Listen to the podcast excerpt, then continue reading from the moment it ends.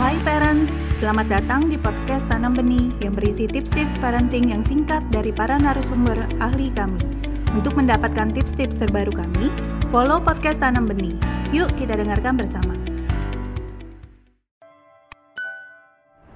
Bukan otoritas yang menjadi masalah, tetapi bagaimana otoritas dikomunikasikanlah itu yang akan menentukan jadi masalah atau tidak jadi masalah anak-anak strong will mereka tidak akan menghargai orang tua justru ya apabila orang tua membuat aturan namun orang tua juga yang mengabaikan. Jadi sebenarnya anak-anak strong will itu tidak menghargai orang tua yang nggak tegas ya bikin aturan orang tua juga yang mengabaikan nggak konsisten ya dan bahkan anak-anak strong will itu tidak menghargai orang tua yang nggak punya boundaries gitu ya yang lemah ya, yang per, yang sangat permisif. Hal yang membuat anak strong willed marah. Jadi sebenarnya anak strong willed tuh nggak masalah dengan aturan. Anak strong willed itu nggak masalah dengan boundaries ya.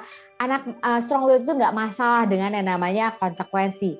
Tapi yang membuat anak strong willed itu marah adalah satu, ketika orang tua ya ini kalau ngomong sama mereka jari-jari telunjuk ya ke wajah mereka ya. Terus kemudian menyuruh ya memberikan perintah lakukan atau tidak.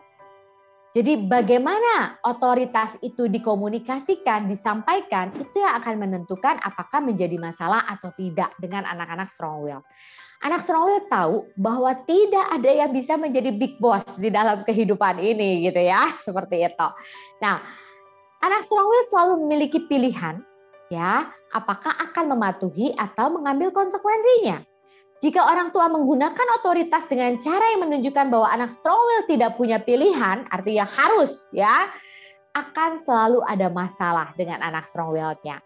Anak-anak strong will biasanya tidak akan merespon dengan baik ketika orang tua hanya mengeluarkan perintah-perintah-perintah untuk ditaati tanpa dijelaskan sama sekali ya. Nah, jadi bagaimana dong? Apa yang bisa dilakukan oleh orang tua?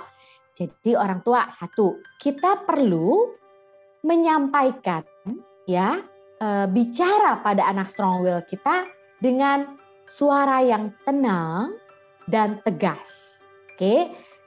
Anak strong will tidak akan menghargai orang tua yang setiap kali ngomong itu teriak, setiap kali ngomong itu suara melengking ya. Jadi pada saat kita memang harus tegas, kita ngomong dengan suara yang tenang dan tegas ya. Jika otoritas orang tua disampaikan kepada anak strong will dengan berteriak, dengan kata-kata, ya gerak tubuh yang marah, anak strong will cenderung mengabaikan orang tua dan bersiap untuk dalam tanda petik bertempur ya dengan orang tuanya. Jadi tegas, bukan keras. Ketegasan ya, bukan kekerasan. Dan tegas pada waktunya. Anak strong will tidak akan menghargai orang tua yang setiap hari seperti itu ya, teriak, marah, nyuruh, seperti itu. Jika orang tua menggunakan nada suara marah yang sama untuk segala hal, anak strong will akan berdebat dengan orang tua tentang segala hal. Nah, itu yang perlu kita perhatikan. Beberapa orang tua berpikir itu akan menandakan kelemahan. Biasanya orang tua akan berpikir ya, aduh kalau aku begitu ngomong dengan suara tenang tapi tegas, itu kayaknya menandakan bahwa aku lemah deh ya.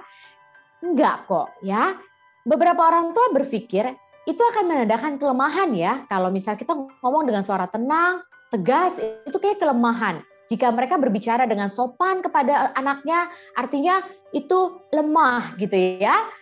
Tidak meletakkan hukuman, tidak menghukum, itu kayaknya orang tua lemah. Enggak kok, ya tidak seperti itu. Faktanya adalah kita mungkin kagum ya akan tercengang bahwa betapa mudahnya mendapatkan anak-anak strong willed untuk bekerja sama dengan kita daripada berteriak dengan marah-marah ya ketika kita ngomong dengan tenang dan tegas dan tidak setiap saat kita seperti itu. Contoh, daripada kita ngomong gini, "Ayo, turun. Kita pergi sekarang." Gitu ya, daripada kita berteriak marah-marah seperti itu, kita katakan, "Ayo, sekarang turun dan masuk mobil. Kita akan berangkat dua menit lagi." ayo sekarang kita pergi. Ya, nah itu kita memilih cara ngomong yang kedua. Terima kasih telah mendengarkan podcast Tanam Benih. Jangan lupa follow podcast Tanam Benih. Tidak pernah ada kata terlambat loh untuk belajar.